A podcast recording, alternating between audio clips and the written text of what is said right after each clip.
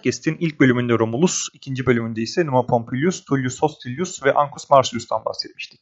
Sıra geldi Roma'nın Etrus krallarına yani Tarquin krallarına. Başlıyoruz. Lucius Tarquinius Priscus adını da aldığı 12 Etrus şehrinden biri olan Tarquini'de Konikli Demeratus'un oğlu olarak doğmuştu. Kökeninin Yunanistan'a dayanıyor olması nedeniyle çok zengin olmasına rağmen Tarquini'de politik bir konum elde etmesi de çok zordu. O da karısı Tanakuil'i dinleyerek insanlara taze bir başlangıç fırsatı veren Roma'ya Roma rüyasını kendisi için gerçek kılmaya gitti. Bu arada gerçekten de ABD ile Roma arasında çok fazla paralellik buluyorum. Başka bir yayında bunun üzerinde konuşuruz umarım. Konuya dönersek, Tarquin Roma'da oldukça bonkör davrandı. İhtiyacı olanlara yardım etti, tanzim mağazaları kurdu, kamu projelerini finanse etti. Böylece tanındı, sevildi. Bu durum o dönemde yaşlanmış bir kral olan Ancus Marcius'un da dikkatini çekmişti. Marcius'un son yıllarında kral ve Tarquinius Priscus iyice yakınlaştı. Kral öldüğünde kralın çocuklarının vasisi de Priscus olmuştu. Marcius öldükten sonra Tarquinius Priscus kralın çocuklarını bir av gezisine gönderdi. Çocuklar gezideyken senatoya giderek iktidar boşluğunun şehri tehdit edebilecek hal ve kişilere fırsat tanımaması için bir an önce kral seçiminin yapılması gerektiğini belirtti. Zaten senatoda kendisine çok sayıda da dost edilmişti. Bonkörlüğü sayesinde herkes onun iyi bir kral olacağını düşünüyordu ve oy birliğiyle Roma'nın 5. kralı seçildi. Tarquinius Priscus'un ilk icraatı senatonun mevcudunu 200'den 300'e çıkarmak oldu. Tahmin edeceğiniz üzere bu yeni eklenen 100 senatörde Tarquinius Priscus'a sadık kişiler arasından özenle önce sadakat sonra liyakat temelinde seçilmişti. Muhtemelen binbir zorlukla elde ettiği pozisyonunu korumayı almak maksadıyla ve Yunan kökenli olmasını da bir handikap olarak gördüğünden kendisini her ihtimalde savunacak bir siyasi yapı oluşturmak istiyordu. Senato başlangıçta Romulus tarafından 100 kişiyle kurulmuş, daha sonra Roma'nın Sabinlerle birleşmesinin ardından Senato'nun mevcudu 100 Sabin senatörün de eklenmesiyle 200'e çıkmıştı. Senato'ya zaten popüler olan Tarquinius Priscus'a sadık 100 senatör daha eklendiğinde Senato basit bir onay kurumuna dönüştü. Tarquinius Priscus eğer bir tiran ya da yeteneksiz bir lider olsaydı bu durum Roma'yı felakete götürebilirdi. Ancak Tarquinius Priscus hem idari hem de askeri manada yetenekli bir lider olduğunu da gösterebildi. Kral olduktan kısa bir süre sonra Roma ile bazı Latin komşuları arasında sorunlar çıktı. Tarquinius Priscus bu Latin komşulara karşı çıktığı seferden bol miktarda ganimetle döndü ve zaferini daha önce hiç görülmemiş büyüklükte oyunlarla kutlamaya karar verdi. Fakat bir sorun vardı. Tarquinius Priscus'un düşündüğü, hayal ettiği büyüklükteki oyunları yapabileceği hiçbir yer yoktur Roma'da. O da Palatin ve Aventin tepeleri arasında adı Circus Maximus olan antik dünyanın en büyük hipodromlarından birini yaptırdı.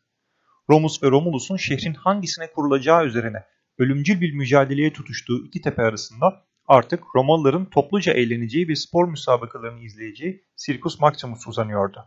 Circus Maximus bin yıldan uzun bir süre kullanıldı. Jules Caesar tarafından genişletildiğinde kapasitesi 250 bine çıkmıştı. Tahmin edileceği üzere en yoğun aktivite at arabası yarışlarıydı. Circus Maximus bugün de hala bir bakıma kullanılıyor. İtalyan milli futbol takımının 2006 Dünya Kupası'nı kazanmasının ardından 700 bin kişi İtalya'nın dünya şampiyonluğunu Circus Maximus'ta kutladı. Romulus zamanında Sabinlerin Roma'ya katıldığından bahsetmiştik. Esasen Sabinlerin bir kısmı Roma'ya katılmıştı. Tarquinius Priscus da Roma'ya entegre edilmemiş Sabinlerle savaştı ve onları ezici bir şekilde yendi. Latinlere karşı zaferinin sonunda yapılan oyunları artık yetersiz mi buldu bilmiyorum. Bu kez zaferini kutlamak için sonrasında da binlerce yıl sürecek zafer alayı geleneğini başlattı. Zafer alayı ana hatlarıyla Tarquinius Priscus'un belirlediği şekilde binlerce yıl boyunca Romalı komutanların peşinden koştukları ve çok azının nail olduğu bir şeref oldu. Zafer alayında Romalı komutan dört at tarafından çekilen arabası ile şehre girer, askerler komutanın arkasında ve etrafında yürür, savaş esirleri ve ganimetler sergilenirdi.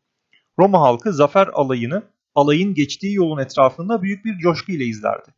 Medyanın olmadığı bir dünyada tüm halkın katıldığı bir olayın baş kahramanı olmanın getireceği popülerlik ve güç ileride birçok Romalı komutanı baştan çıkaracak. Bu durumun farkında olan senatoda triumf yani zafer alayı kararı verirken çok cimri olacaktı. Zafer alaylarını kendilerini Roma'nın görkemli sezarlarıyla, imparatorlarıyla, generalleriyle özdeşleştiren birçok batılı lider de kendince tekrar etti. Örneğin 1535 senesinde Tunus Osmanlılardan alan Kutsal Roma İmparatoru Şarken Roma'ya bir zafer alayı ile girmişti. Herhalde bir dönem Roma'nın amansız düşmanı olan Kartaca'ya ev sahipliği yapan Tunus'un işgalinin simgesel anlamını da vurgulamak, imparator olarak meşruiyetini göstermek istemişti. Konudan çok uzaklaştık fakat söyleyeyim, ben de Voltaire'e katılıyorum. Kendisine Kutsal Roma İmparatorluğu ismini takan bu siyasi yapı ne kutsaldı ne Romalıydı ne de bir imparatorluktu.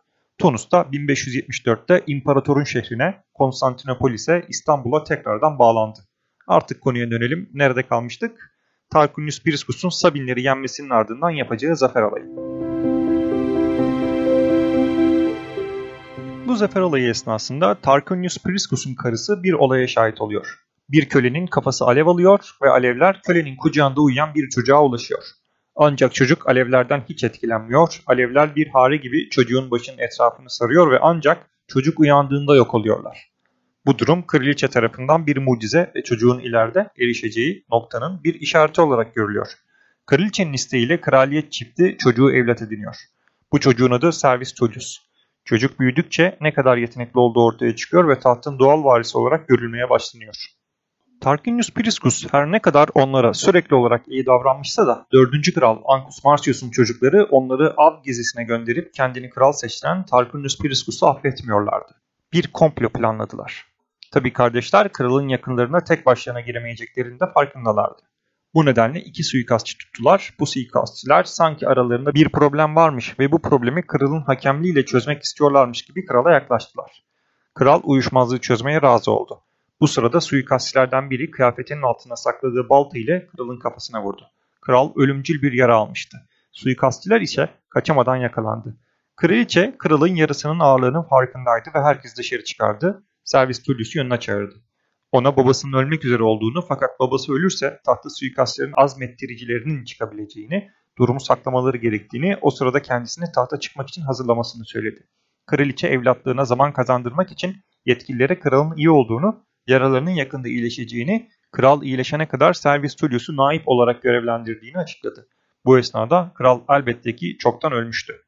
Servis Tullius'un naipliği sırasında Roma'nın her zayıf anını değerlendirmeyi ilke edinmiş bulunan Veii şehri Roma'ya saldırdı. Servius da onlara karşılık vermek için ordunun başında onları karşıladı ve mağlup etti.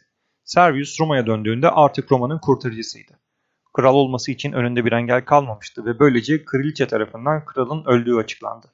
Hali hazırda kral naibi olarak krallık görevlerini yerine getirmekte olan Servius'un tahta çıkmasını kimse sorgulamadı ve Servius bir senato seçimi de olmadan tahta çıktı. Bu hikaye esasen sonunda Etrüsklerin kazandığı bir Etrüsk-Roma mücadelesinin tarihe Romalılar tarafından yansıtılmış biçimidir oldukça yüksek bir ihtimalle. Servius Tullius, Roma'nın sondan ikinci ve son iyi kralı olarak hükmetti. Roma'nın ilk sensusunu gerçekleştirdi. Sensusu servete dayalı bir nüfus sayımı olarak niteleyebiliriz. Sensus sonucunda Roma'yı servet esasına göre sınıflara böldü. Böylece bir ihtiyaç anında özellikle askeri açıdan kimlerin neleri sağlayabileceğini bilecekti hali hazırda mevcut olan ekite yani atlı sınıfa gelirine göre 5 sınıf daha ekledi. Ayrıca hiçbir serveti olmayan bir 7. sınıf ile oldukça dar ve ekitelerinde üstü sayılan patriciler de vardı. 18 ile 40 yaşları arasındaki erkekler ihtiyaç anında toplanan Roma'nın ünlü lejyonlarını oluşturuyorlardı. Sınıflar sadece askeri amacı hizmet etmiyordu. Ayrıca yeni Roma Electoral Kılıcı'nın seçiciler kurulunda temeliydiler. Romulus'un tesis ettiği kabilelere dayalı Comitia Curiata'nın seçim yetkilerinin birçoğu Servis Tullius'un tesis ettiği Comitia Centuriata'ya devredildi. Bu kurulların seçimleri, işleyişleri, oluşumları ile ilgili ayrı bir yayın yapmayı planlıyorum. O yüzden çok basitçe anlatmak gerekirse biraz önce bahsettiğim her sınıf kendi içinde Centurialara bölünmüştü. Centuria, lejyonları oluşturan temel birimdi ayrıca. Klasik halindeyken Comitia Centuriata 8 sınıftan oluşuyordu. En üstte 6 blok ile patriciler bulunurdu. Bu sınıf servete göre değil, ailesini Roma'nın kuruluşuna kadar giden, kamu hizmeti yapmış ailelerden gelen kişilerden oluşuyordu. Ve sayıları çok az olmasına rağmen 6 bloğa sahiplerdi. Onlardan sonra atlılar yani ekiteler gelirdi. 12 bloğa sahiplerdi. Onların altında zengin fakat aristokrat olmayan, zenginliklerine göre de 5 sınıfa ayrılmış plebler bulunurdu. 1. sınıf 80, 2, 3 ve 4. sınıf 20'şer, 5. sınıf 30 bloğa sahipti.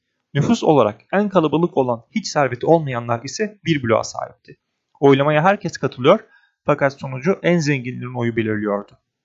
Devletin bütçesine ve kamu hizmetlerine kişisel servetlerinden en çok katkı verenler devletin nasıl işleyeceğinde de daha çok söz sahibiydiler. Servius Tullius'un krallığı genel olarak sorunsuz ilerliyordu.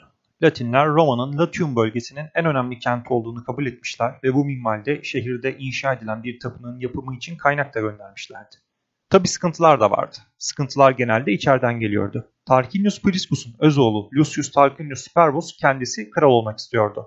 Servius durumun farkındaydı ve iki kızını iki üvey kardeşiyle evlendirmiş ve sorunu böylece çözdüğünü umut etmişti. Fakat taht iddiası bulunmayan küçük kardeşle evlenen kızı ile Lucius Tarquinius Superbus bir ittifak kurdular ve Servius aleyhine kampanya başlattılar.